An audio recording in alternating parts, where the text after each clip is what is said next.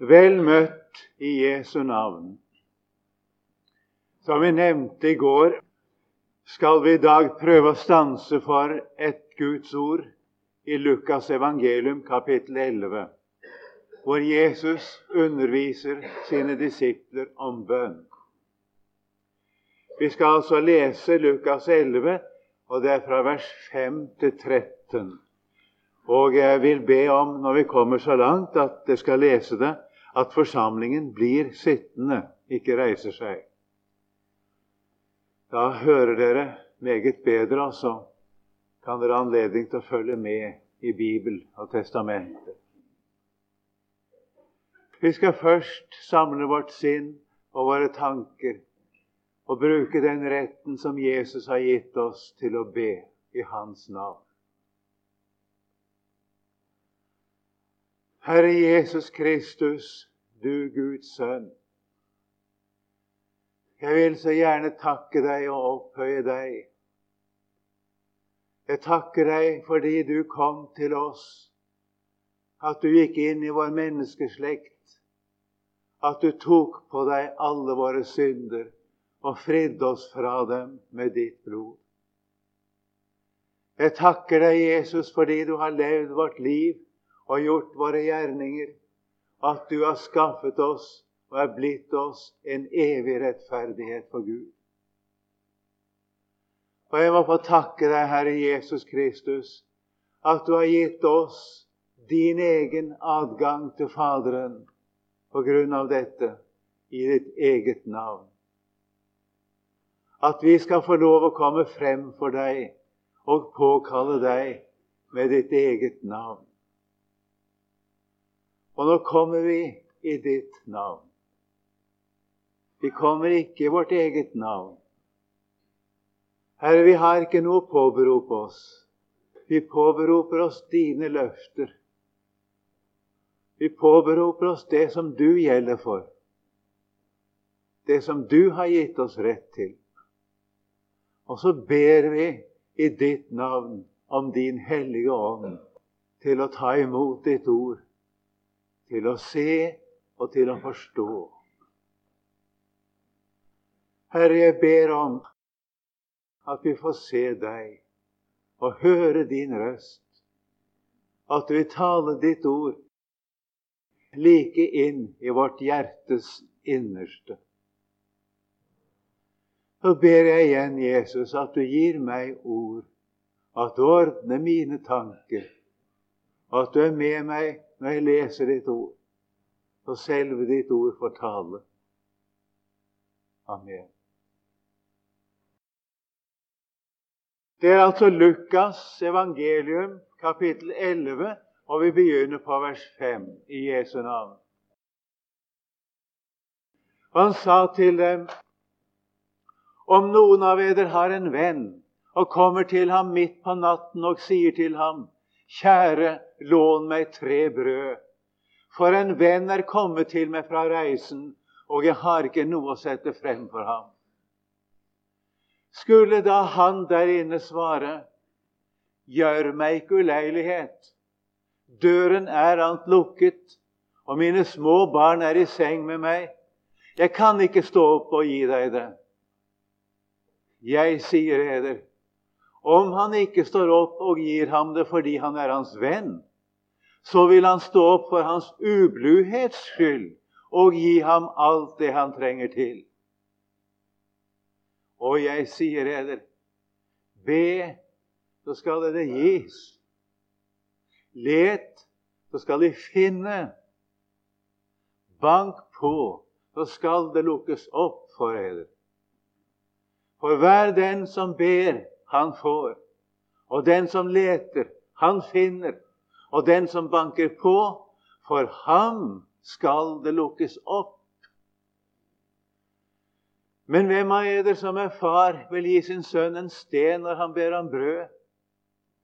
Eller når han ber om en fisk, gi ham en orm istedenfor fisken? Eller når han ber om et egg, gi ham en skorpion? Dersom da I som er onde, vet å gi eders barn gode gaver, hvor meget mere skal da Faderen som er i himmelen, gi dem Den hellige ånd, som ber ham. Amen.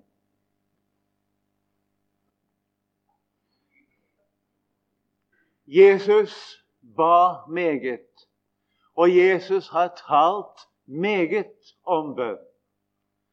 Og her i Lukas 11, i første del av kapittelet, sammenfatter Jesus så å si alt i én sum av det han underviser sine disipler om bønn. Derfor er det et svært viktig avsnitt for oss.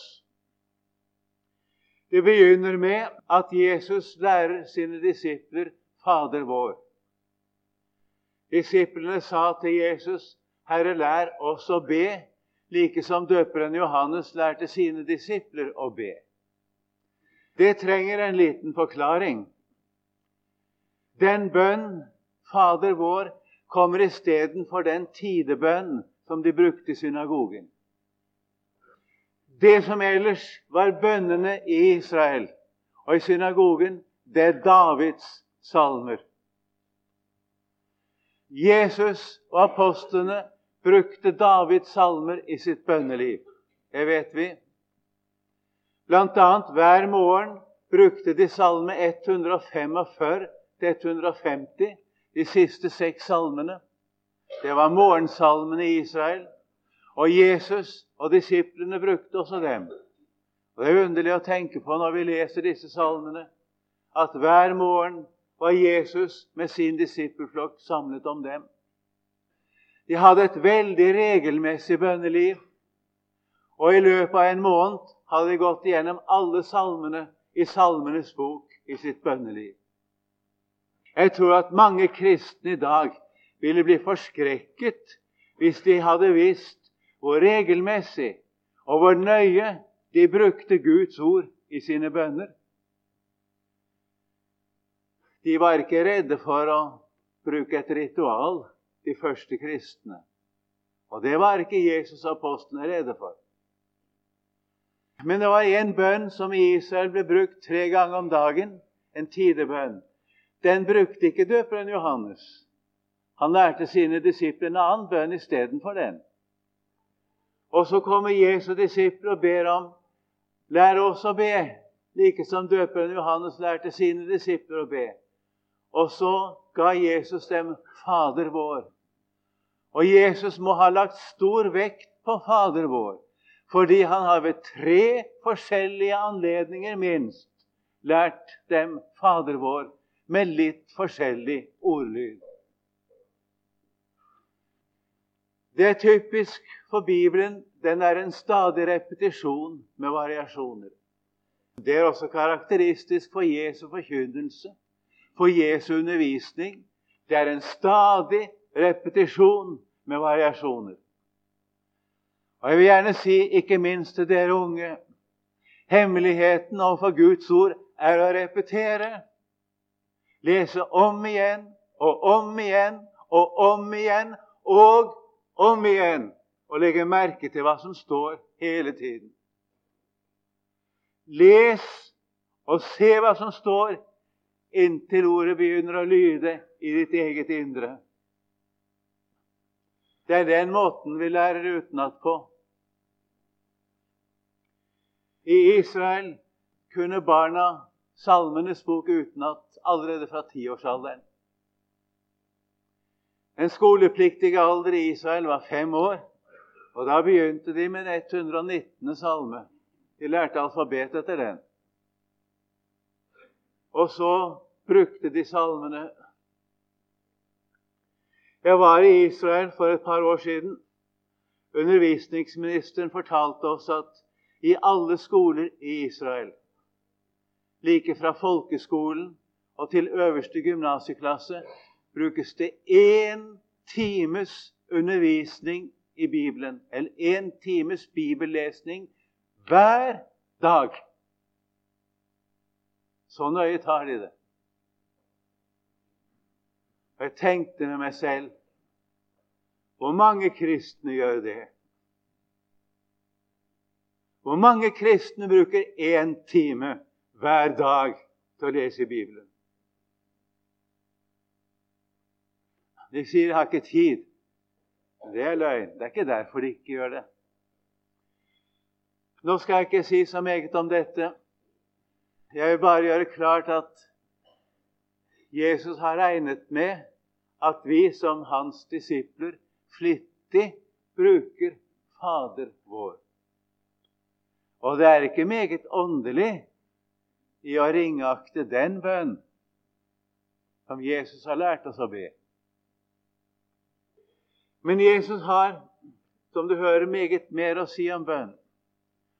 Men jeg vil allikevel først få understreke noe som står om dette å bruke Salmenes bok i vårt bønneliv. Vi leser i Kolossensene 3,16.: La Kristi ord bo rikelig hos eder. Så vi lærer å formane hverandre all, i all visdom med salmer og lovsanger og åndelige viser. Og synger yndig for Gud i eders hjerter salmer og lovsanger og åndelige viser. Det er forskjellige overskrifter over salmene i Salmenes bok. Og husk på at disse ordene her, salmer og lovsanger og åndelige viser, ene og alene refererer seg til Salmenes bok i Det gamle testamentet. Jeg hørte en som sa at salmer, det er Landstad. Sanger, det er sangboken. Åndelige viser er de håndskrevne. Nei, nei, nei. Det er det ikke, nei. Det har ingenting med det som står her å gjøre. Dette gjelder utelukkende Salmenes bok. Det er gjengitt etter den greske oversettelse av Det gamle testamentet. Det heter derfor i grunnteksten Salmoi, kai hymnoi, kai odai, salmer og lovsanger og åndelige viser. Og I Efesene 5,18 står det 'bli fylt av Ånden'.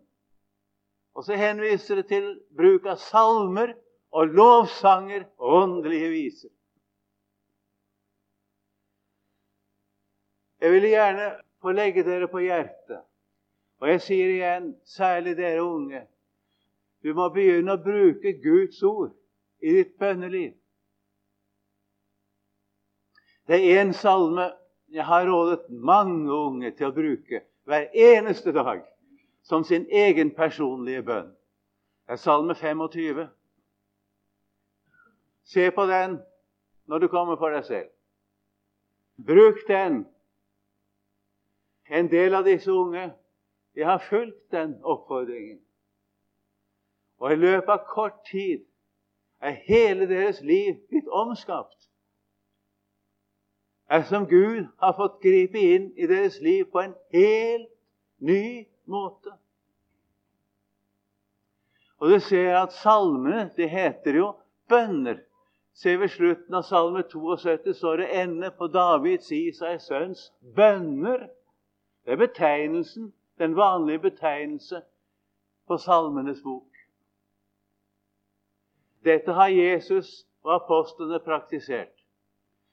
Og det er i tilknytning til dette Jesus også taler slik som han gjør i dag.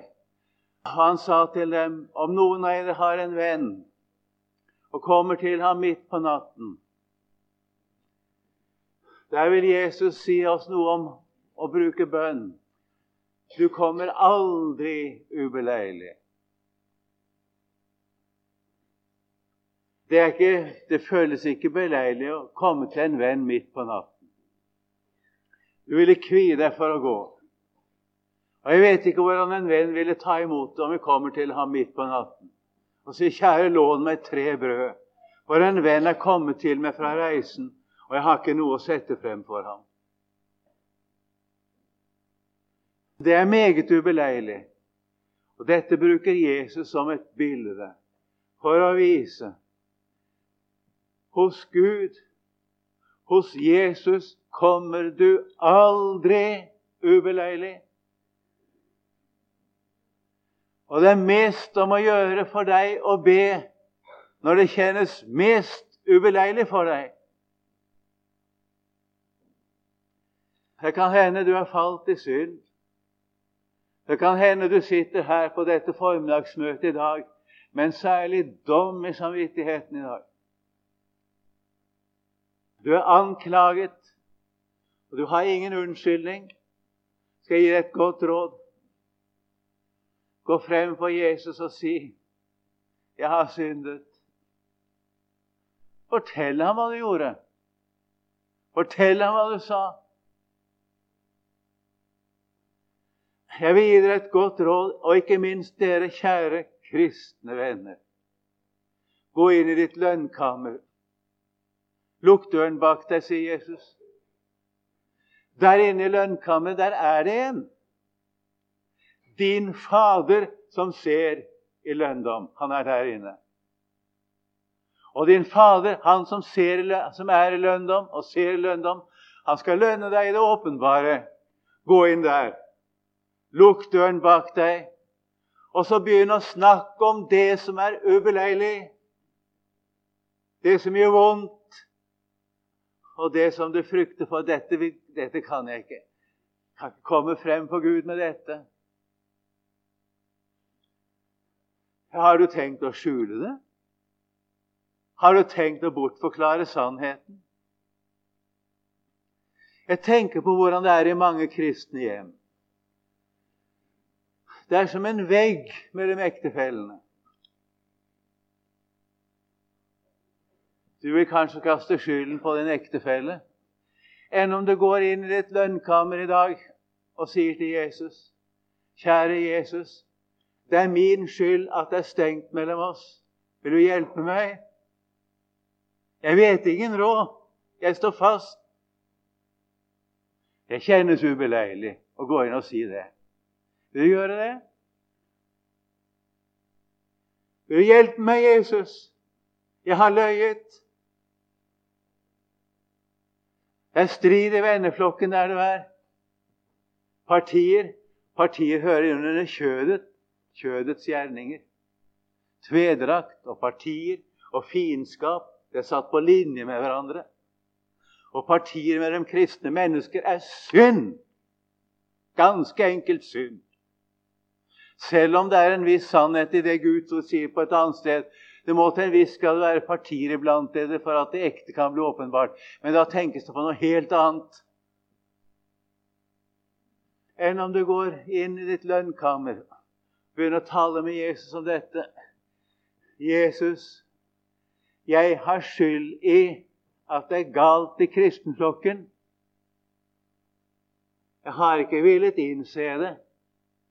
Jeg har kastet skylden på de andre. Men Jesus, jeg har skyld. Vil du hjelpe meg? Jeg spør deg, tror du at du kommer til å få hjelp? Jeg vil ikke tvile om det. Jeg kunne nevne mange slike ting.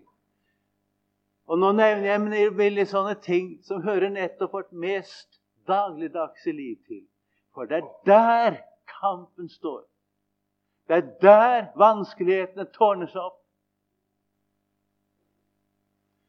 Du, det er her Jesus vil hjelpe oss med det han sier i dag.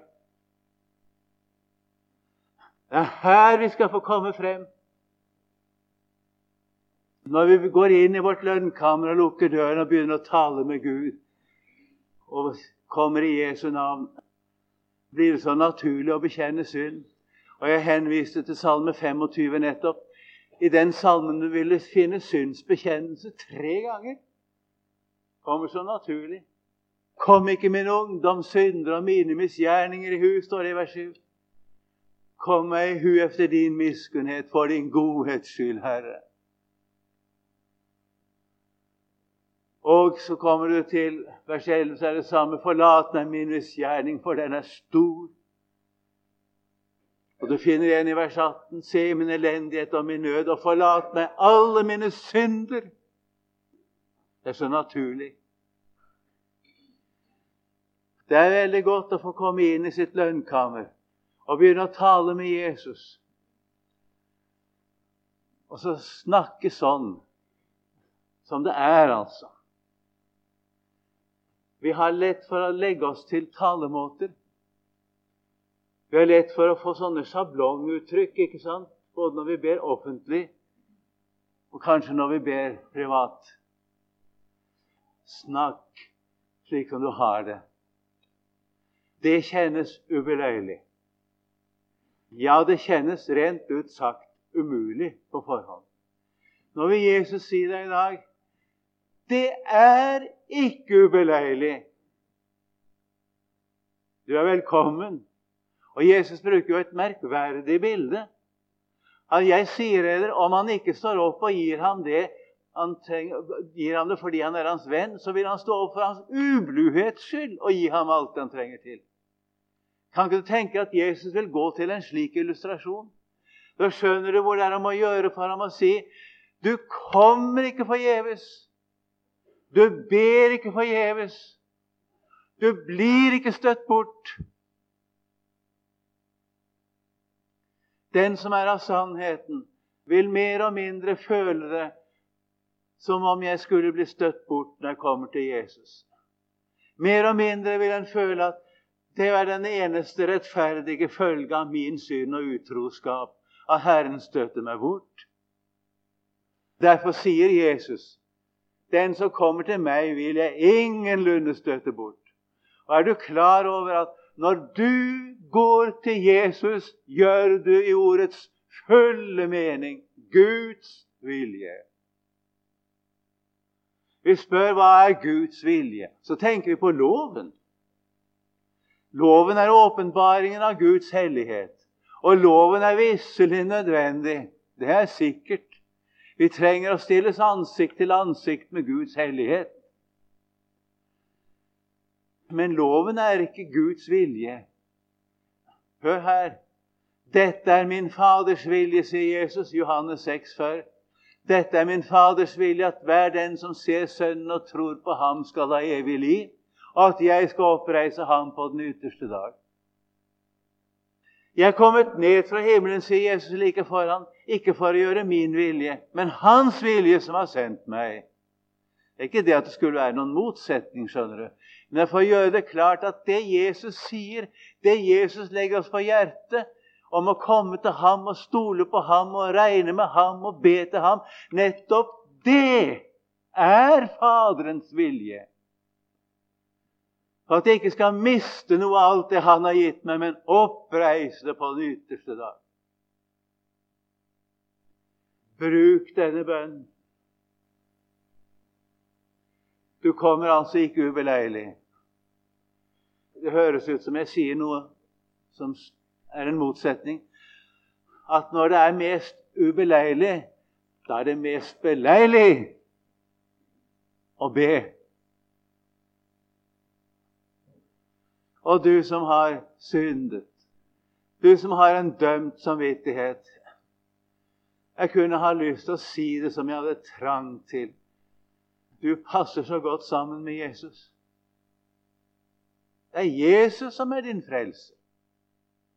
Det er Jesus som har sonet din synd. Men du må ikke gå med synden, lukke den inni deg selv. Du må ikke slutte å se sant på deg selv. Og du må ikke la være å bekjenne synd. Det er farlig å skjule synd. Når vi skjuler vår synd, blir den åpenbar. Skrikende åpenbar. Da jeg tidde, sier David, da ble mine ben borttæret, og jeg stønnet hele dagen. For dag og natt lå din hånd tungt på meg, og min livssaft svant som ved sommerens tørke. Jeg bekjente min synd for deg og skjulte ikke min skyld. Jeg sa, jeg vil bekjenne mine misgjerninger for Herren, og du tok bort min syndeskyld. Den som ikke skjuler sin synd, den som ikke vil skjule sin skyld, men tvert om legge den frem for Herren, han opplever da skjuler Herren min synd. Og da er den skjult. Møter den aldri mer igjen. Salig er den hvis overtredelse er forlatt og hvis synden er skjult. Salig er det mennesket som Herren ikke tilregner misgjerning, og i hvis ånd ikke er svik. Og dette siste, og i hvis ånd ikke er svik, har vi så lett for å gjøre til en betingelse. Men det står som en virkning etter grunntekstens uttrykksmåte. Du forstår det at når du bekjenner sannheten om deg selv og legger din sak åpen for Herren, og Han ikke tilregner deg din synd, så blir det sannhet i ditt hjertes innerste vesen. Det kommer all slags velsignelse med å bruke denne velsignede rett som Jesus har gitt oss. Denne salme 32 jeg nå siterte fra, den bærer en overskrift. Og du skal merke at også overskriftene i salmene er Guds ord til oss om disse salmene. Det står en læresalme av David. Og dette 'av David' det betyr samtidig 'for David' og 'til David'. Det som står i disse salmene som David har skrevet, det har David selv fått av Gud. Det er til David, det er for David, og det er av David. Alt det ligger i det uttrykket. Jeg er så eiendommelig på hebraisk at der er alle betydninger med der i alle sammenhenger. Så er det en læresalme. Den underviser oss. Og bl.a. det vi undervist om at den som åpent legger sin sak frem for Herren slik som den er, han får sin synd skjult. Fordi Jesus har sonet den. Guds sønn har gjort oss fri.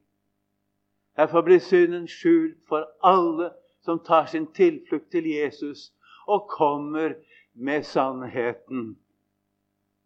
Kommer som de er. Men det er det som er vanskeligheten, ser du. Komme som en er. Si det som er. Og det kjennes ubeleilig. Nå har Jesus sagt det. du kommer ikke ubeleilig. I virkeligheten er du meget velkommen. Og så fortsetter han. Og det er en ting jeg særlig vil understreke, det hvor jeg leste i dag. Det er alle de gangene står Og han sa til dem Jeg sier eder og han sa til dem Husk på hvem det er som sier dette. Det er ikke jeg. Det er Jesus. Og han sa til dem, Be, så skal det gis. Let, så skal de finne. Bank på, så skal det lukkes opp for eder. Det er tre anvendelser av bønnen, dette. Alle disse tre uttrykk gjelder bønn be. Det er uttrykk for at 'jeg har ingenting'. Og Det er jeg vel kjent med. Vel kjent med. Ikke minst når jeg skal tale Guds ord. Jeg har ikke det jeg skal bære frem. Jeg ber.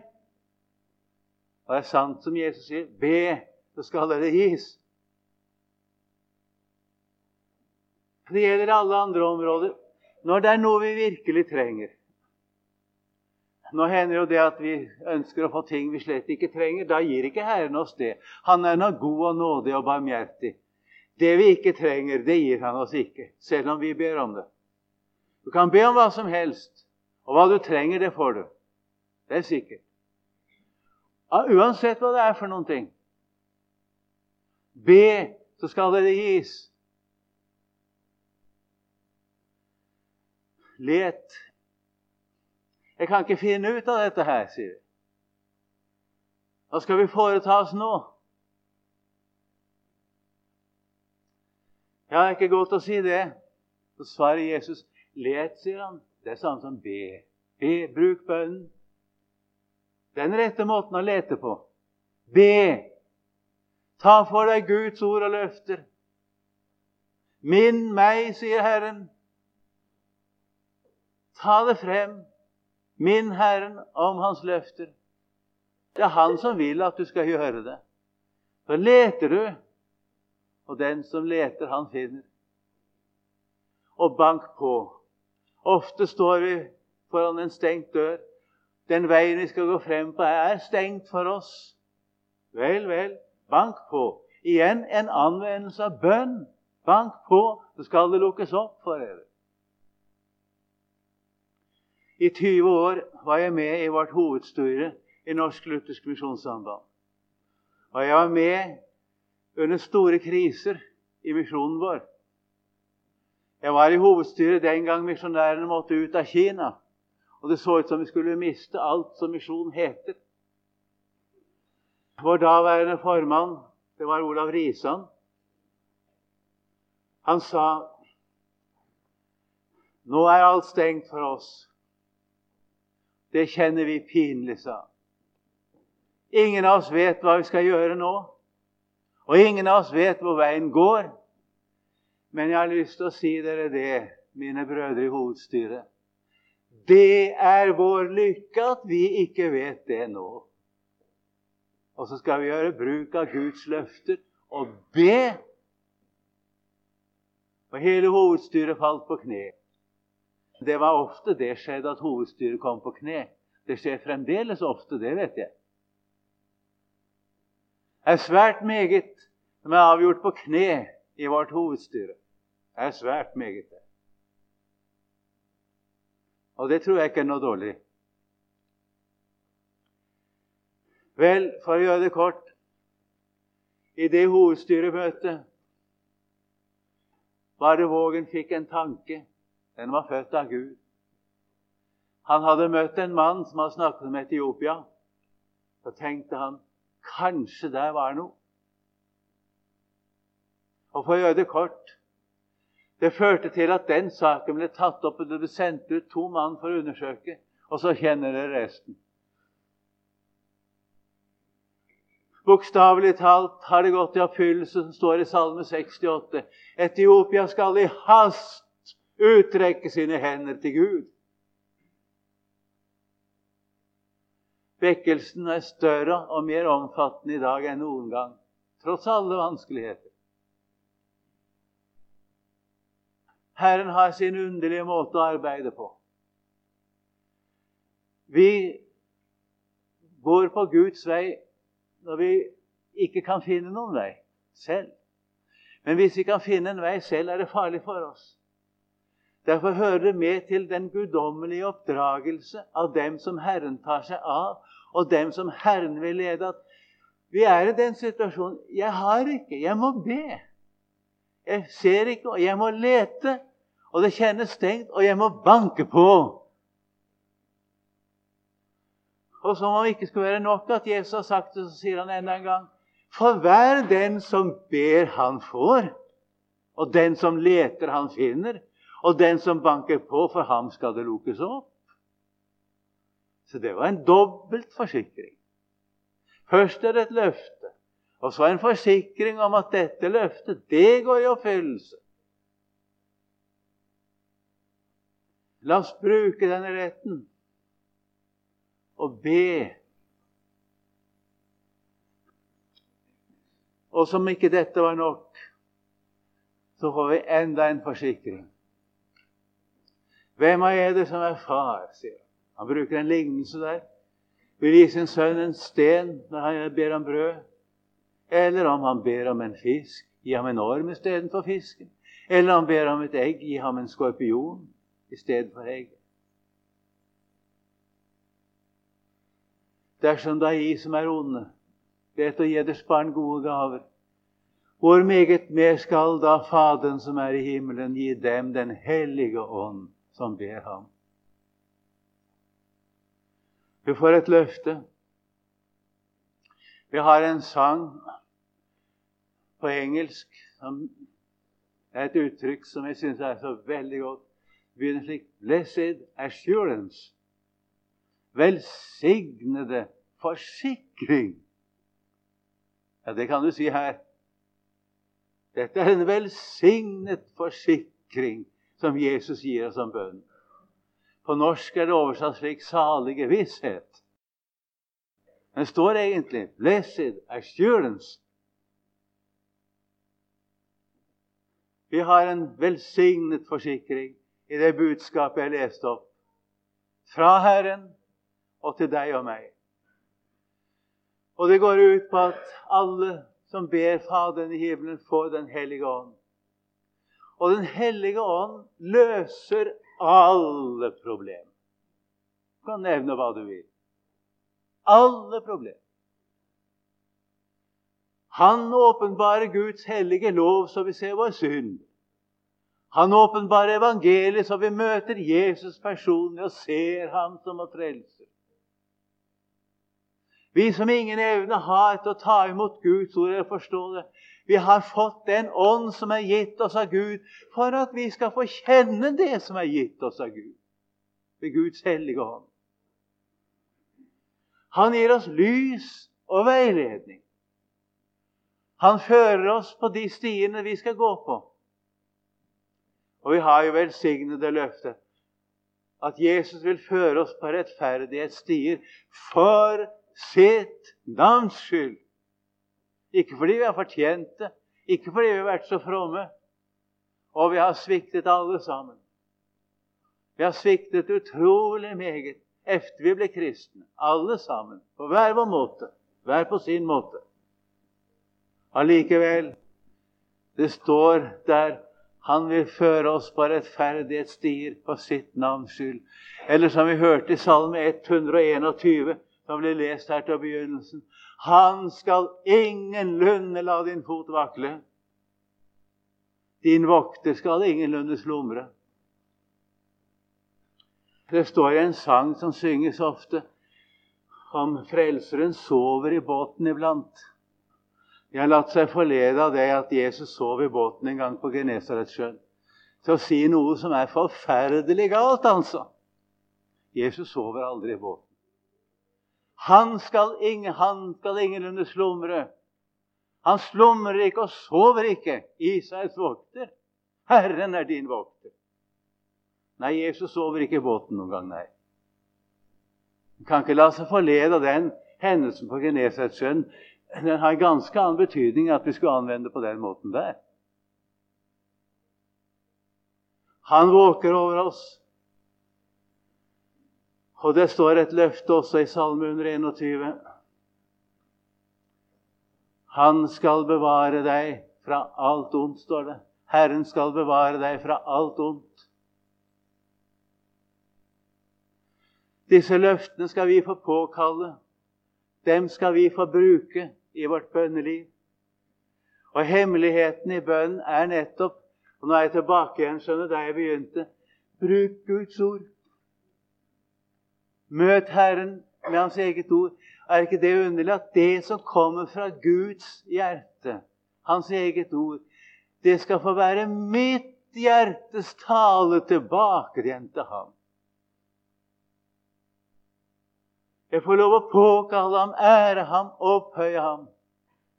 Og bruker vi Hans ord i vår bønn, så vil også våre egne ord desto mer komme til sin rett.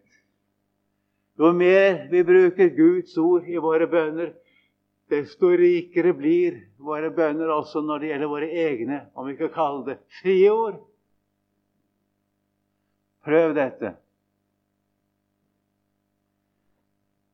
Og så til slutt hvis jeg bare visste om jeg ba etter Guds vilje, spør noe. Hva betyr det å be etter Guds vilje? Vi leser om det i Johannes første brev. Dette er den frimodige tillit vi har til ham, at dersom vi ber om noe etter hans vilje, da hører han oss. Og dersom vi vet at han hører oss, hva vi så ber om, da vet vi at vi har de ting vi har bedt ham om. Det står altså i Johannes første brev, i kapittel 5 og vers 14 følgende. Hva vil det si å be etter Guds vilje? Det betyr egentlig å be i samsvar med Guds evige rådslutning. Guds vilje står der som uttrykk for Guds evige rådslutning. Og Guds evige rådslutning går ut på at Gud har gitt oss et navn å be i. Og for å si det kort og dagligdags Å be etter Guds vilje er å be i Jesu navn. Og det er ikke satt noen grense for hva du får be om. Det hender nok at vi ber om ting vi ikke skulle være tjent med. Det sørger Herren for. Så får vi det vi er tjent med. Det er ikke farlig, det. Og så er det noen som sier ja, jeg har jo bedt og jeg har bedt, men jeg har jo ikke fått noe svar. Og så sier de en ting som de ikke burde si. Gud har ikke hørt min bønn, sier de. Det må ikke du si. Det kan hende du ikke har sett noe svar ennå. Det kan godt hende. Men det er en ting du ikke må si. Du må ikke si at Gud ikke har hørt din bønn. Hvis ikke bønnhørelsen kommer den dagen jeg ber, eller dagen etterpå, eller om en uke eller om en måned, har ikke Herren hørt. Sett nå at det går et år uten at det skjer noe. Det går to år, det går tre år. Er du så sikker på Herren ikke har hørt? Nå skal jeg fortelle deg noe. At nå Jeg må vel si jeg begynner å bli gammel, helst. Iallfall vil dere unge regne meg for å være svært gammel. Det er ikke tvil om. Ting som jeg ba om da jeg var på alder med dere unge, får jeg svar på nå. Og nå ser jeg at Herren har hørt det hele tiden. Det ser jeg nå. Er ikke det litt korttenkt å si at Herren ikke har hørt min bønn? Om ikke svaret kommer slik som jeg tenkte. Er ikke det litt korttenkt? Og hvis når Jesus sto her inne i legemlig skikkelse og sa til deg at ja, ja, nå kan du få velge Du skal få det du ber om. Du skal få det. Men nå vet jeg hvordan jeg vil gi deg det.